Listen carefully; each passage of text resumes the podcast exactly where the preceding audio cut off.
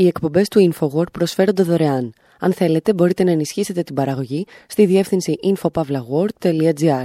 Η διεύθυνση infopavlagor.gr. Η εκπομπή InfoWord με τον Άρη Χατζηστεφάνου.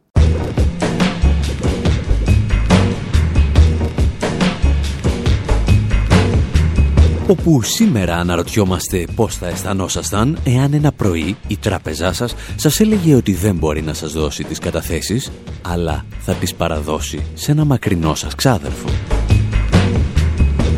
Σκεφτόμαστε μήπως αυτό ακριβώς κάνει η Τράπεζα της Αγγλίας με τα αποθέματα χρυσού της Βενεζουέλας και μήπως κάτι τέτοιο δεν είναι τόσο πρόβλημα για τη Βενεζουέλα όσο για την Αγγλία. Εξετάζουμε τι γίνονται τα περιουσιακά στοιχεία κρατών όταν κατάσχονται από άλλες χώρες και από ξένες τράπεζες και θυμόμαστε το μεγάλο πλιάτσικο στην περιουσία της Λιβύης. Και ύστερα αλλάζουμε τόνο αλλά όχι και θέμα. Βυθιζόμαστε στο αρχείο του New York Times και διαπιστώνουμε ότι η ναυαρχίδα του Αμερικανικού φιλελευθερισμού έχει στηρίξει σχεδόν όλα τα πραξικοπήματα που πραγματοποιήθηκαν στη Λατινική Αμερική. Και επειδή εμείς δεν ζούμε στη Λατινική Αμερική, θυμόμαστε τι έλεγε και για την ελληνική χούντα.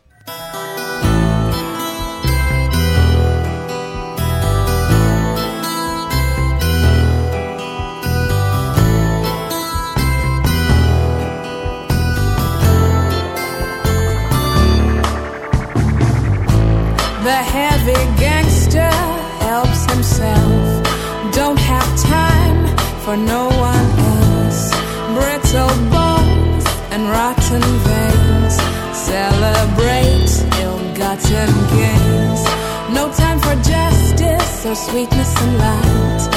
How does he thrust his weakness aside? The grass is hissing to disallow this misappropriation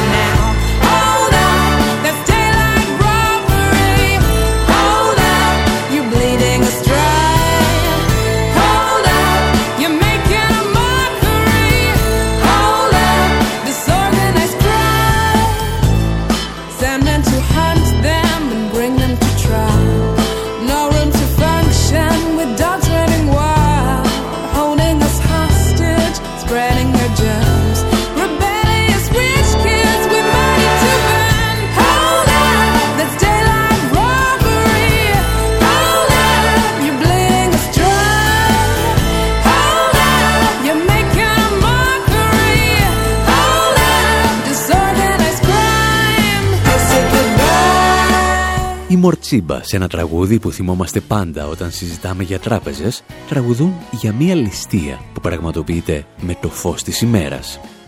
Μία από εκείνες τις ληστείες για τις οποίες κανένας δεν αισθάνεται την ανάγκη να κρύψει τα ίχνη του και πολύ περισσότερο να λογοδοτήσει.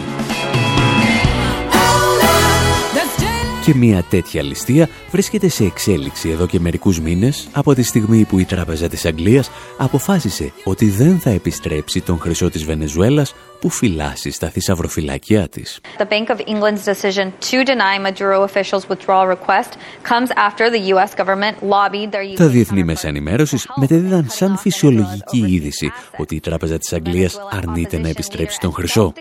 Και ο μόνος που φάνηκε να εξοργίζεται από την πρώτη στιγμή ήταν ο διάσημος καθηγητής οικονομικών Ρίτσαρτ Γούλφ.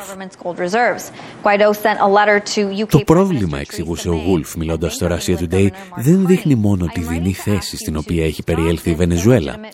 Πολύ περισσότερο αποδεικνύει την παρακμή του Ηνωμένου Βασιλείου. What the British are showing is that the decline of Europe, like the decline of the United States, like the trouble in Venezuela,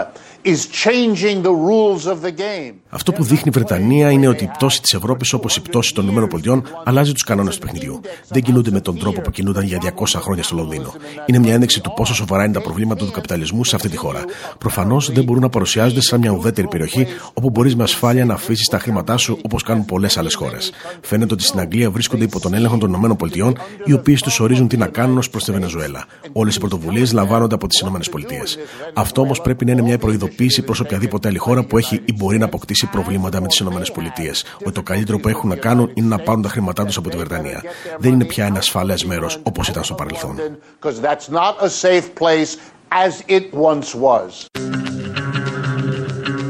Η Βρετανία λοιπόν, σύμφωνα με τον Γουλφ, αποδεικνύει ότι δεν είναι τίποτα περισσότερο από ένα εργαλείο των Ηνωμένων Πολιτειών. Έτσι όμως χάνει το τελευταίο όπλο που είχε στη διάθεσή της, τη δυνατότητα να λειτουργεί σαν παγκόσμιο χρηματοπιστωτικό κέντρο. One of the few things left for Britain is to be the financial center that London has been for so long. Ένα από τα λίγα πλεονεκτήματα που έχουν απομείνει στη Βρετανία είναι η δυνατότητα να αποτελεί διεθνές οικονομικό κέντρο όπως ήταν το Λονδίνο για τόσο καιρό. Και ένας από τους τρόπους να παραμείνεις οικονομικό κέντρο είναι με το να μην παίζεις με τα χρήματα των άλλων λαών. Είναι απόφαση της Βενεζουέλας, η οποία έχει βάλει τα χρήματά της στη Βρετανική Τράπεζα, να καθορίσει τι θα γίνει με αυτά τα χρήματα. Δεν είναι θέμα της Τράπεζας της Αγγλίας να επιλέξει σε ποιον θα δώσει αυτά τα χρήματα. Να είστε σίγουροι ότι όλες οι κυβερνήσεις του κόσμου θα ξανασκεφτούν αν θα βάλουν χρήματα στο Λονδίνο όπως έκαναν στο παρελθόν. Είναι ιδιαίτερα επικίνδυνο για όλο τον κόσμο, αλλά κυρίως για τη Βρετανία. Very dangerous for the world, but for Britain particularly. Η άρνηση της Τράπεζας της Αγγλίας να επιστρέψει τον χρυσό της Βενεζουέλας στην νόμιμη κυβέρνηση της χώρας δεν αποτελεί όμως μόνο θέμα διεθνούς δικαίου. Εντάσσεται σε ένα ευρύτερο πλαίσιο κυρώσεων που έχουν επιβάλει οι Ηνωμένες Πολιτείες και το οποίο έχει δώσει την χαριστική βολή στην οικονομία της Βενεζουέλας. Αυτές οι κυρώσεις, εξηγούσε ο Μαρκ Βάισμπροτ μιλώντας στο Real News Network, σκοτώνουν ανθρώπους. And this would just destroy what's left of the economy αυτό το εμπάργκο θα κατέστρεφε ό,τι έχει μείνει από την οικονομία και θα προκαλούσε το θάνατο πολλών ανθρώπων. Το εμπάργκο ευθύνεται ήδη για το θάνατο πολλών ανθρώπων στη Βενεζουέλα, γιατί αυτή είναι η πηγή εσόδων σε δολάρια για την οικονομία της χώρας και αυτά τα χρήματα χρησιμοποιούνται για την εισαγωγή φαρμάκων. Όταν η κυβέρνηση είχε χρήματα, εισάγονταν φάρμακα αξίας 2 δισεκατομμυρίων δολαρίων. Οι κυρώσεις όμως έχουν ήδη αφαιρέσει 6 δισεκατομμύρια δολάρια από το έσοδο του πετρελαίου. Η απόφαση αναγνώρισης της μεταβατικής κυβέρνησης θα έχει σαν αποτέλεσμα να κοπούν περίπου τα μισά από τα έσοδα της χώρας από το πετρέλαιο μέσα στον επόμενο χρόνο. Οι αριθμοί για τους οποίους μιλάμε είναι τεράστιοι. Είναι ουσιαστικά όλες οι υπόλοιπες εισαγωγές που θα έκανε η χώρα. Οπότε σίγουρα αν το κάνουν, αυτό θα οδηγήσει στο θάνατο πολλών ανθρώπων.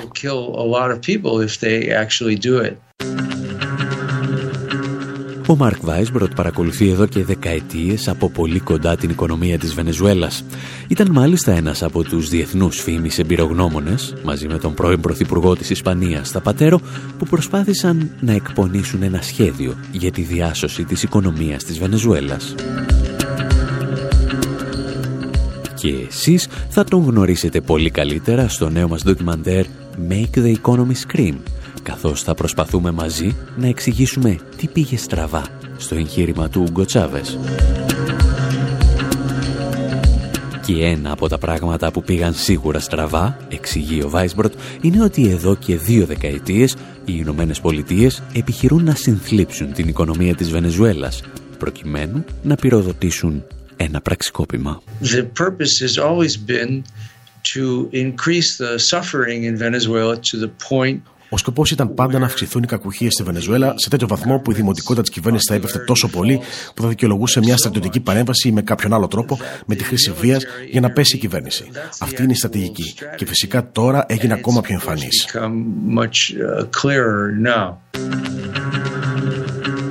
Οι κυρώσεις που επιβάλλουν οι Ηνωμένες Πολιτείες είναι μια πολύ παλιά ιστορία και στη σημερινή τους μορφή θα τις γνωρίσουμε για πρώτη φορά με αφορμή την κρίση των πυράβλων στην Κούβα.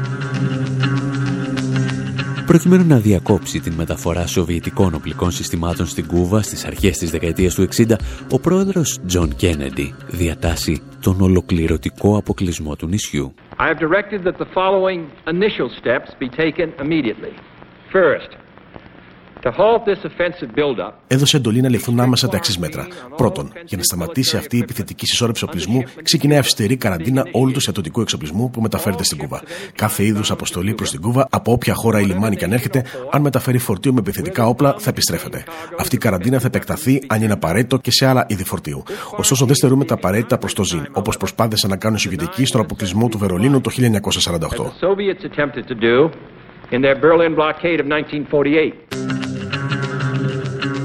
Ο Κέννεντι βέβαια απλώς ψεύδεται γιατί το εμπάργο στερούσε από τους κουβανούς και τα απαραίτητα προς το ζήν. Και αυτό το εμπάργο δεν σταμάτησε ποτέ. The curtain goes up at the United Nations on what the world hopes is the final act in the drama that was the Cuban crisis. Ακόμη και όταν η κρίση των πυράβλων θα τερματιστεί, ο δολοφονικός αποκλεισμός θα παραμείνει. Αυτό που δεν γνωρίζουν πολλοί είναι ότι οι Ηνωμένες Πολιτείες δεν απέκλεισαν απλώς την Κούβα, αλλά πάγωσαν και όλες τις καταθέσεις που είχαν οι πολίτες της στις Ηνωμένες Πολιτείες.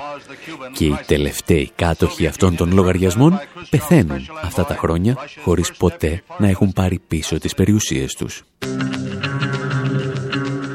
Τι συμβαίνει όμως με αυτά τα χρήματα όταν λέμε ότι παγώνουν με την επιβολή κυρώσεων; Και κυρίως ποιος κερδίζει από αυτή την ιστορία;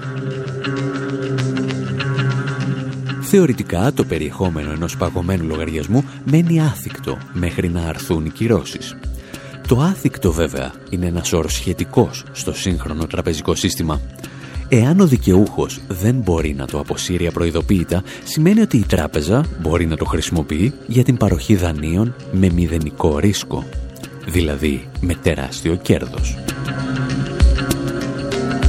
Όσες περισσότερες καταθέσεις παγώνουν λοιπόν, τόσα περισσότερα χρήματα έχουν στη διάθεσή τους οι Αμερικανικές τράπεζες. Και είναι σημαντικό ποσό αυτό, θα αναρωτηθεί κάποιος. Ήδη από το 1998 ο αναλυτής Jeff Simmons εξηγούσε στους Financial Times ότι τα δύο τρίτα του παγκόσμιου πληθυσμού υπόκεινται πλέον σε κάποιο είδους αμερικανικών κυρώσεων. Και αυτά συνέβαιναν πριν ο Μπούς, ο Ομπάμα και ο Τραμπ αυξήσουν με φρενήρις ρυθμούς τις οικονομικές κυρώσεις. Και αν δύο στους τρεις κατοίκους υπόκεινται σε κάποιο είδους κυρώσεων, μπορείτε να φανταστείτε πόσα δισεκατομμύρια βρίσκονται σε παγωμένους λογαριασμούς. Και οι παγωμένοι αυτοί λογαριασμοί, αν μας επιτρέπετε ένα ηλίθιο λογοπαίχνιο, είναι απλώς η κορυφή του παγόβουνου. Γιατί όταν μιλάμε για πιάτσικο και κυρώσεις, εννοούμε κανονικό πιάτσικο.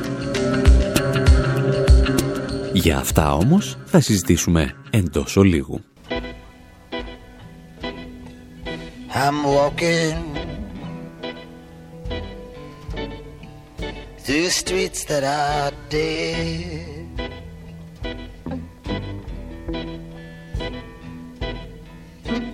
Walking, walking with you in my head.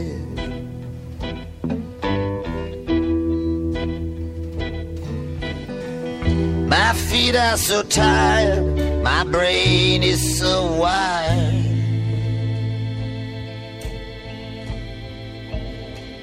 And the clouds are weeping.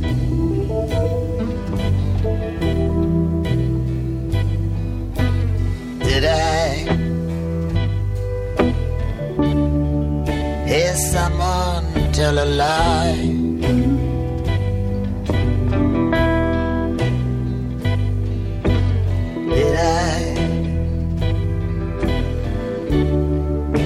Hear someone's distant cry.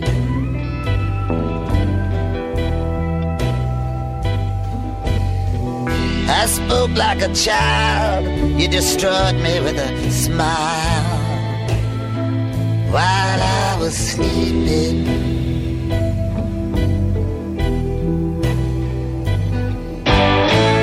I'm sick of love. That I'm in the thick of it.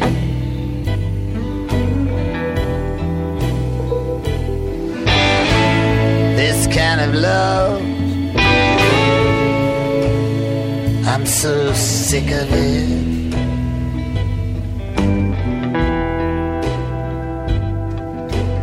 I see,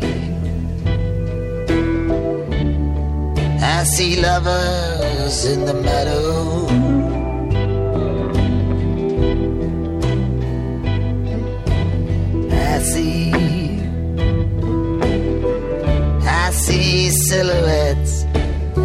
window.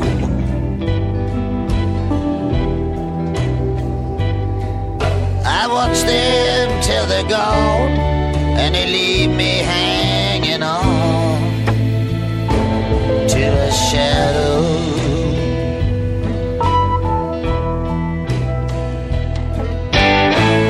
I'm sick of love.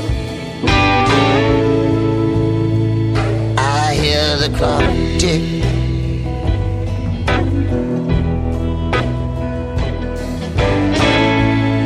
kind of love. I, I'm lovesick.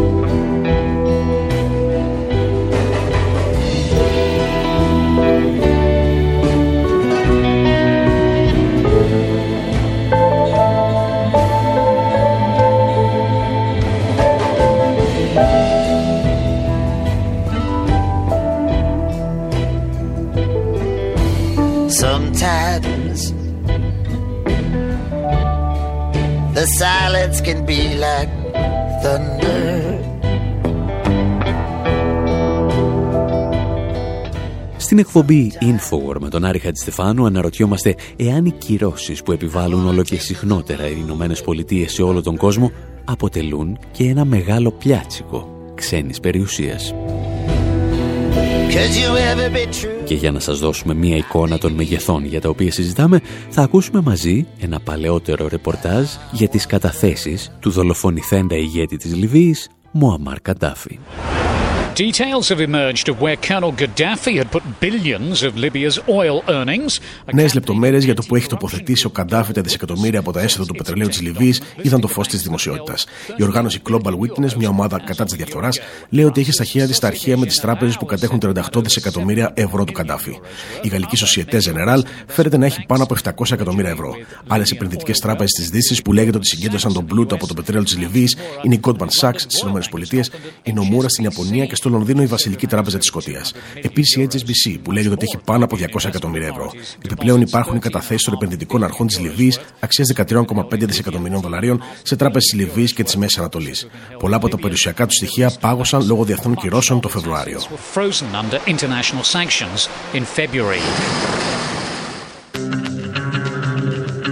Πολλά από τα περιουσιακά στοιχεία της Λιβύης λοιπόν πάγωσαν και υποτίθεται ότι θα επιστρέφονταν στο λαό της Λιβύης. Αλλά δεν επιστρέφουν γιατί στη Λιβύη επικρατεί η απόλυτη αναρχία. Όσο όμως ήταν παγωμένα, συνέχισαν να παράγουν μερίσματα και τόκους δισεκατομμυρίων δολαρίων.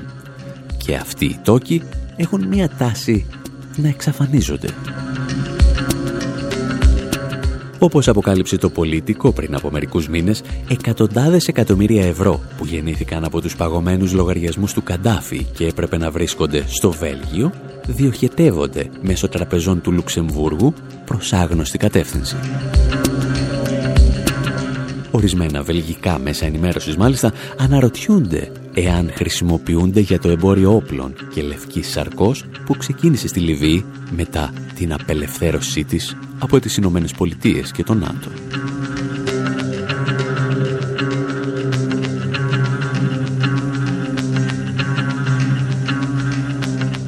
Εσείς πάλι, ενώ αναρωτιέστε τα ίδια, μένετε εδώ, γιατί πάντα όταν μιλάμε για κυρώσεις πρέπει να μιλήσουμε και για το πραξικόπημα και την στρατιωτική εισβολή που ακολουθεί. Αυτά όμως στο δεύτερο μέρος της εκπομπής.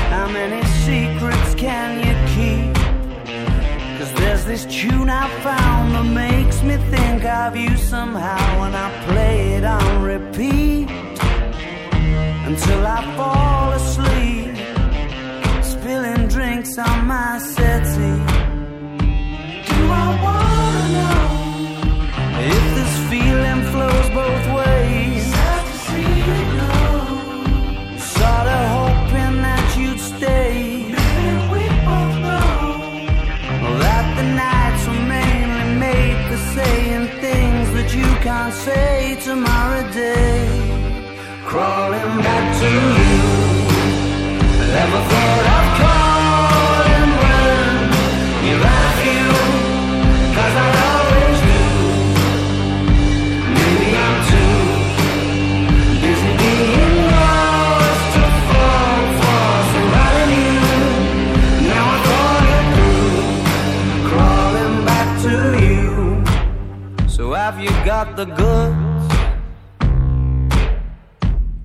wondering if your heart's still open, and if so, I wanna know what time it should. Simmer down and poker up. I'm sorry to interrupt, it's just I'm constantly on the cusp. I've tried been to kiss you. But I don't know if you feel the same as I do. But we could be together if you wanted to.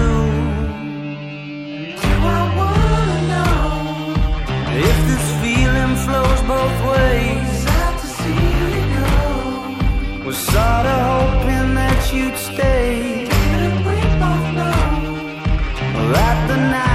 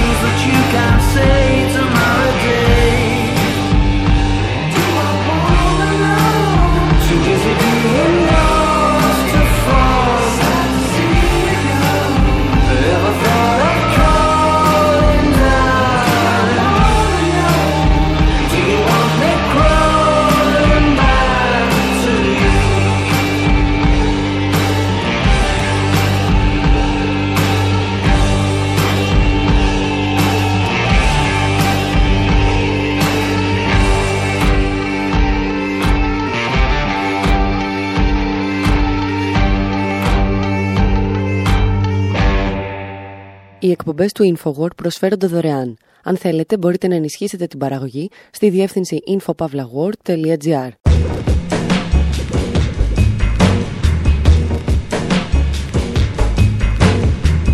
Η εκπομπή InfoWord με τον Άρη Χατζηστεφάνου.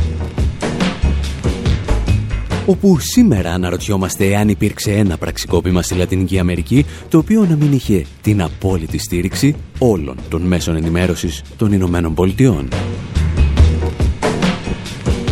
Εάν υπήρξε ένας δημοκρατικά εκλεγμένος πρόεδρος ή πρωθυπουργός, ο οποίος να μην αντιμετωπίζονταν από τις αμερικανικές εφημερίδες σαν απειλή για τη δημοκρατία, πριν ανατραπεί από ένα πραξικόπημα.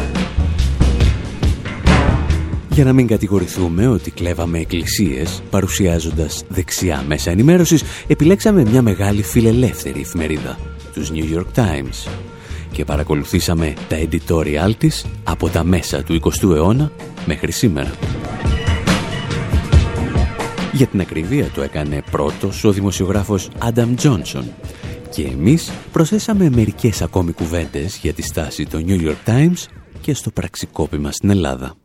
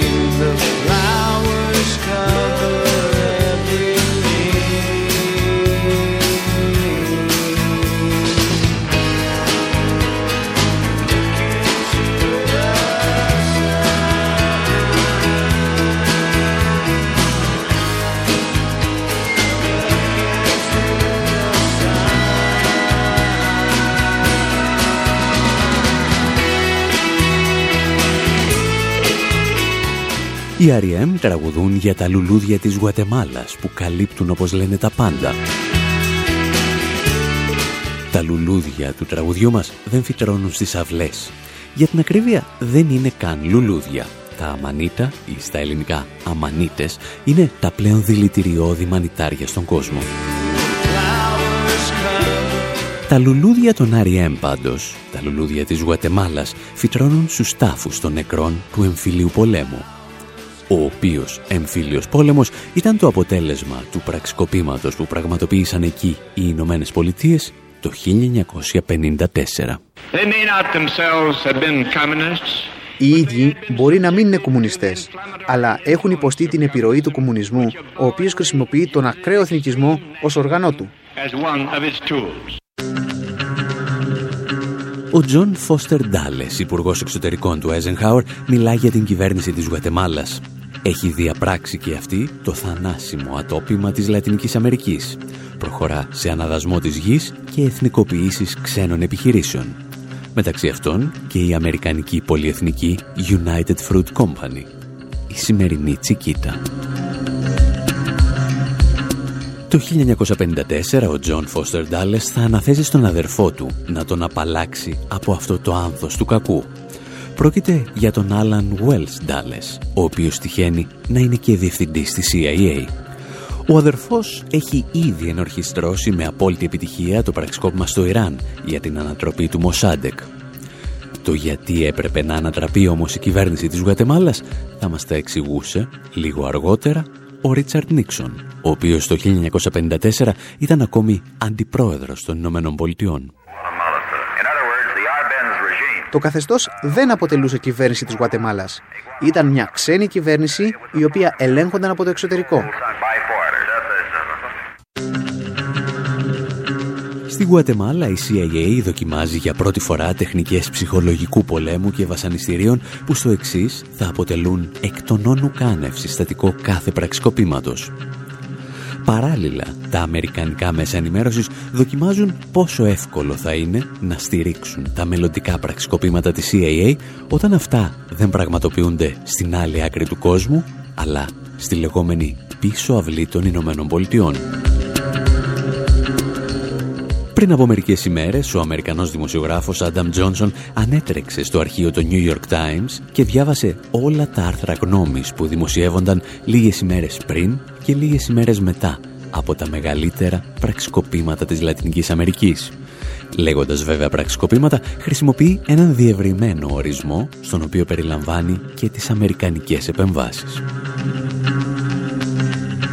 Και το συμπέρασμά του από τις 12 σημαντικότερες απόπειρες ανατροπής κυβερνήσεων, είτε αυτές καρποφόρησαν είτε όχι, οι New York Times στήριξαν ανοιχτά τις 10 με κεντρικά άρθρα γνώμης.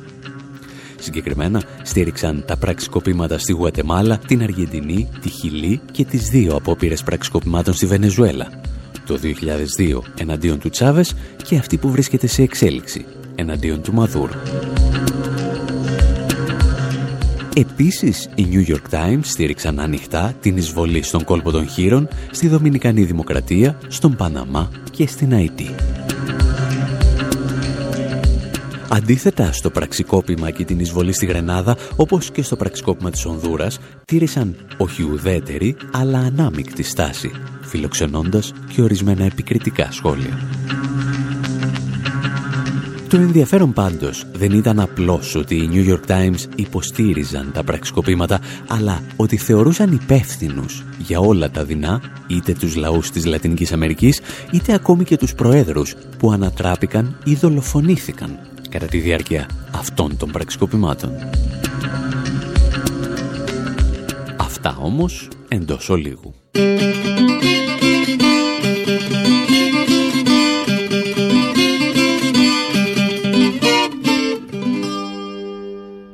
Prepare o seu coração para as coisas que eu vou contar. Eu venho lá do sertão, eu venho lá do sertão, eu venho lá do sertão e posso não lhe agradar. Aprendi a dizer não, ver a morte sem chorar e a morte o destino tudo, a morte o destino tudo estava fora de lugar. Eu vivo para consertar. Na boiada já fui bom, mas um dia me montei, não por um motivo meu ou de quem comigo houvesse, que qualquer querer tivesse, porém por necessidade do dono de uma boiada cujo vaqueiro morreu.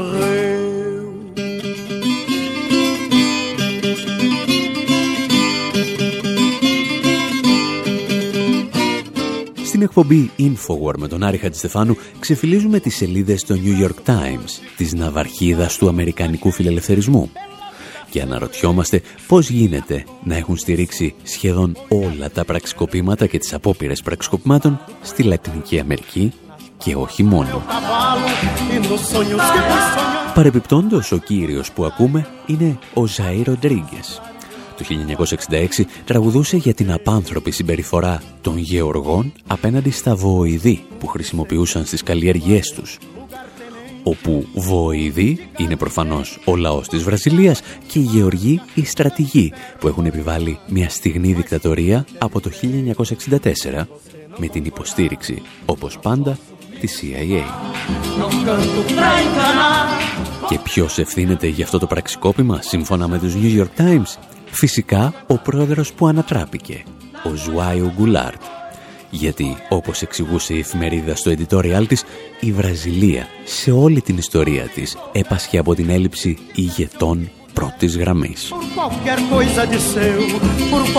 Ενώ όμως ο Γκουλάρτ ήταν σύμφωνα με τους New York Times λίγος σαν πρόεδρος και προφανώς έπρεπε να ανατραπεί από ένα πραξικόπημα, ο Αλιέντε στη Χιλή ήταν μάλλον πολύς. Το ρεπορτάζ έχουν εδώ η Καλέξικο.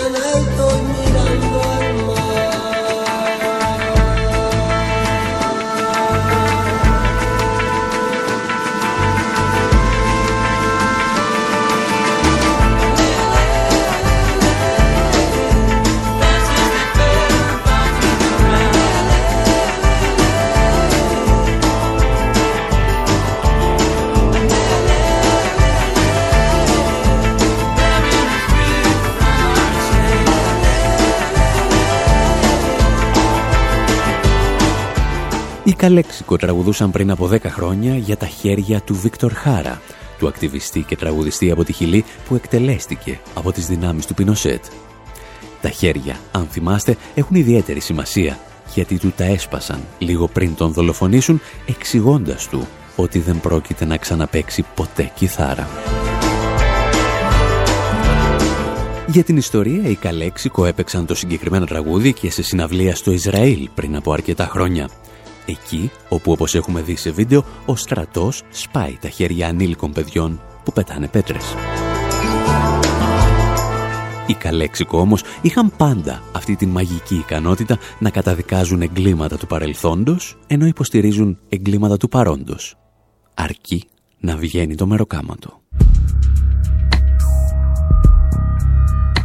Εμείς όμως συζητάμε για τη Λατινική Αμερική και τα πραξικοπήματα που διοργανώνει η CIA και τα οποία εκθιάζουν οι φιλελεύθερες εφημερίδες όπως η New York Times. Και στην περίπτωση της Χιλής, οι New York Times έβγαλαν από την πρώτη ημέρα το πόρισμα για το ποιος ευθύνονταν για την ανατροπή και δολοφονία του Αλιέντε. Προφανώς ο Αλιέντε. Κανένα κόμμα και καμία παράταξη δεν μπορεί να αποποιηθεί τις ευθύνες της για όσα συνέβησαν, έγραφαν εκείνες τις μέρες οι New York Times και συνέχιζαν. Το μεγαλύτερο μέρος της ευθύνης όμως βαρύνει τον ίδιο τον άτυχο Αλιέντε. Γιατί, σύμφωνα με τους New York Times, ατυχία είναι να κάθεσαι μία ημέρα στο Προεδρικό Μέγαρο και να αρχίσουν να σε βομβαρδίζουν μαχητικά αεροσκάφη βάσει ενός σχεδίου που έχει εκπονήσει η CIA και έχει διατάξει προσωπικά ο πρόεδρος Νίξον.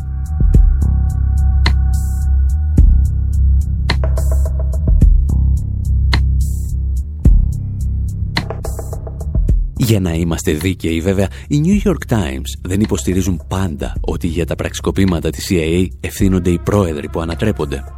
Σε ορισμένες περιπτώσεις ευθύνεται κυρίως ο λαός, ο οποίος δεν ενδιαφέρεται λέει για τη δημοκρατία. Και αυτό μας το εξήγησαν για πρώτη φορά στο πραξικόπημα της Αργεντινής το 1976. Εδώ όμως θα χρειαστούμε τη βοήθεια του Αργεντινού Τσάρλι Γκαρσία.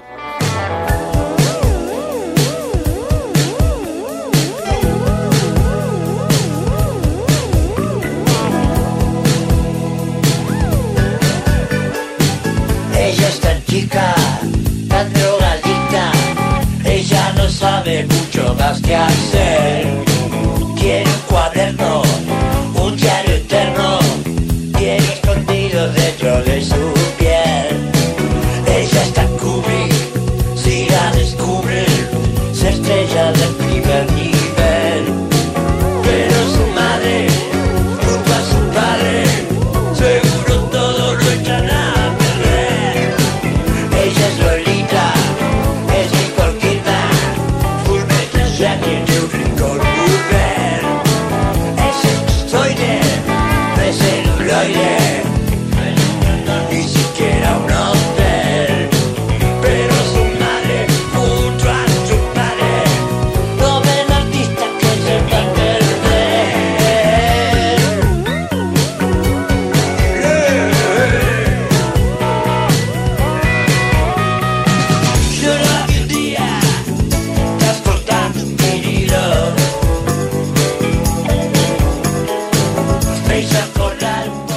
Poco. Ο κύριος που ακούτε είναι ο Τσάρλι Γκαρσία σε μία από τις τελευταίες του δουλειές το 2017.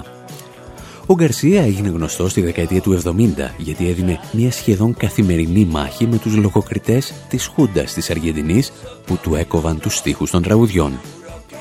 Και για να παρακάμπτει τις απαγορεύσεις δημιούργησε μια σχεδόν δική του γλώσσα η οποία δεν έβγαζε και πολύ νόημα αλλά αυτοί που έπρεπε να καταλάβουν καταλάβαιναν. Η Χούντα της Αργεντινής ήταν μία από τις πιο αιμοσταγείς που γνώρισε η Λατινική Αμερική, δολοφονώντας και βασανίζοντας δεκάδες χιλιάδες ανθρώπους. Ένας ολόκληρος λαός αναγκάστηκε για χρόνια να κατεβάσει το κεφάλι. Και τι κατάλαβαν οι New York Times από αυτή την ιστορία; Ότι οι Αργεντίνοι δεν ενδιαφέρονταν αν τους κυβερνούν οι πολιτικοί που οι ίδιοι ψήφισαν ή μια ομάδα στρατιωτικών που επέλεξε η CIA. Το 1976, όταν ο στρατός θα ανατρέψει την πρόεδρο Ιζαμπέλ Περόν, οι New York Times γράφουν τα εξής. Είναι ενδεικτικό του κινησμού των Αργεντίνων ότι έδειξαν μεγαλύτερο ενδιαφέρον για έναν αγώνα ποδοσφαίρου που μεταδόθηκε την Τρίτη παρά για το γεγονός ότι οι ένοπλες δυνάμεις ανέτρεψαν την πρόεδρο της χώρας. Γιατί το να μην μιλάς όταν σε βασανίζουν και σε εκτελούν είναι σύμφωνα με τους New York Times δείγμα κινησμού και αδιαφορίας για τη δημοκρατία.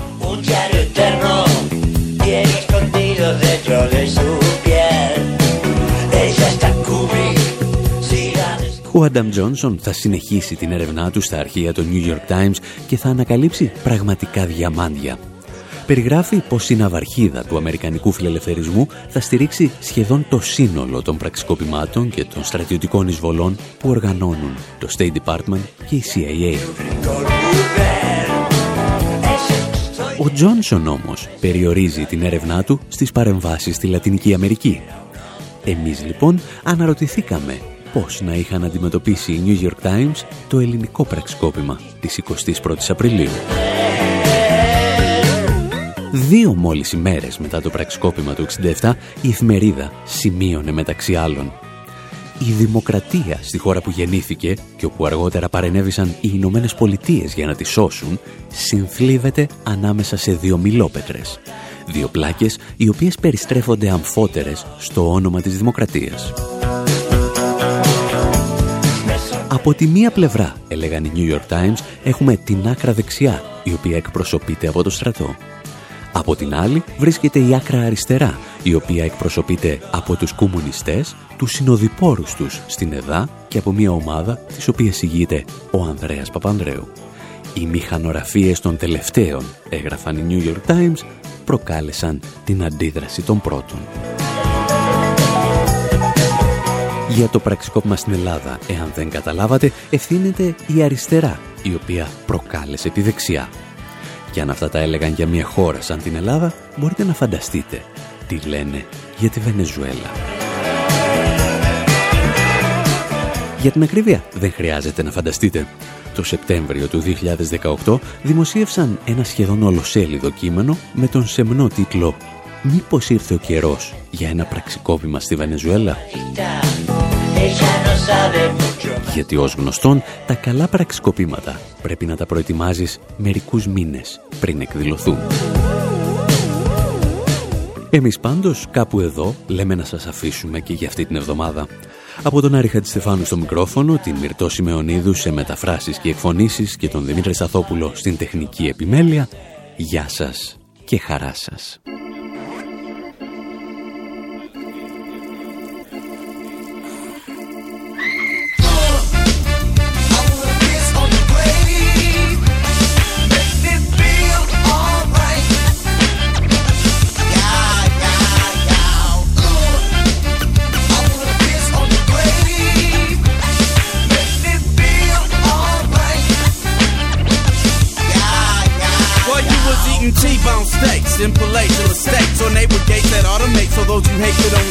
I was kissing my mate through iron grates while the guards wait. 50 cent rate for making license plates. My paper make his shake. Vibrate from 808 quakes, over breaks. Duck out of crates, attack from weight of the vinyl plates. Good work till they back again, they breast can't lactate. You laughing to the bank, smiling, showing all your black plates. Contesting, contesting, one, two, three.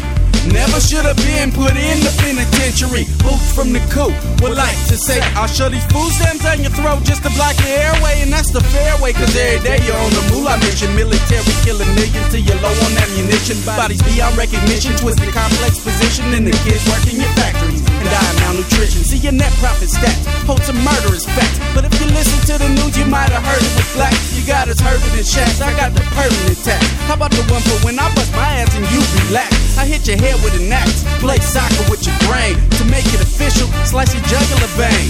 Still writing songs that my mama could sing. And if you feel some yellow drips on your skull, it ain't rain.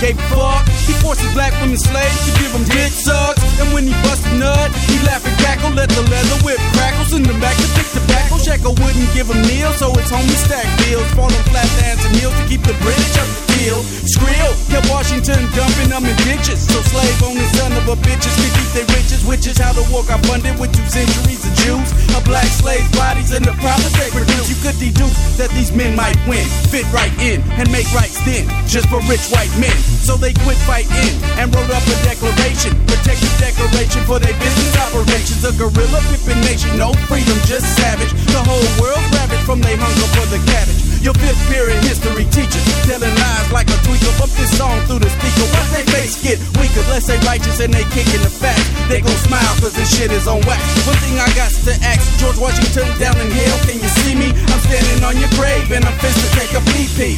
Excuse me, sir. Did you say you have to pee? No, I said I love it here in D.C. Well, anyway, folks, continuing on with the tour, we're here at the Arlington National Cemetery. Behind all of you, right where the gentleman with the afro is standing, is the grave of America's first and greatest hero, our first president, George Washington. Ooh, uh uh.